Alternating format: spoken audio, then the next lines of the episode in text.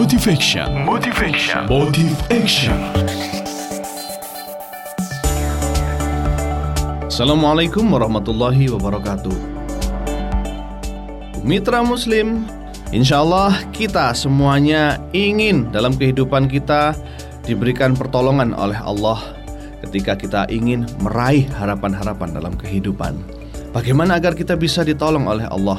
Bagaimana agar ketika kita ingin sesuatu dan kita berproses untuk mengejarnya, pertolongan Allah pun hadir. Ada tiga hal yang bisa kita lakukan. Satu, pasang niat.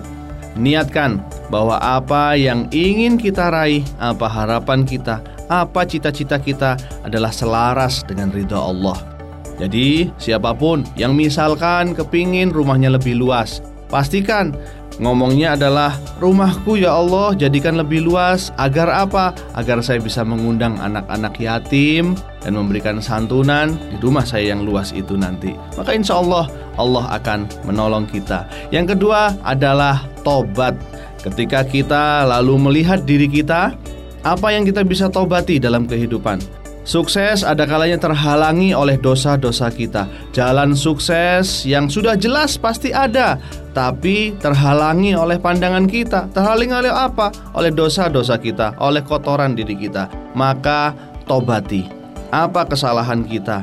Apa hal-hal yang mungkin tidak halal, yang kurang bersih yang kita lakukan?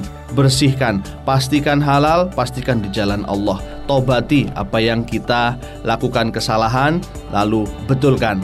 Insya Allah Allah akan menolong. Dan yang ketiga, kuatkan ibadah kita. Mulai nih kita bikin checklist ibadah apa yang kita tambah. Wajibnya kita betulin, yang sunah-sunahnya kita tambahin. Saat ini mungkin ada yang hanya duha saja bisa ditambahin dengan tahajud. Saat ini mungkin ada yang agak pelit ketika mau ngasih-ngasih, kuatin menjadi orang yang mudah bersedekah. Insya Allah tiga hal ini akan membawa pada pertolongan Allah untuk sukses yang kita harapkan. Niat, tobat, dan kuatkan. Insya Allah akan menjadi jalan indah kita menikmati kehidupan. Demikian saya Zainabidin Motivator Muslim untuk Suara Muslim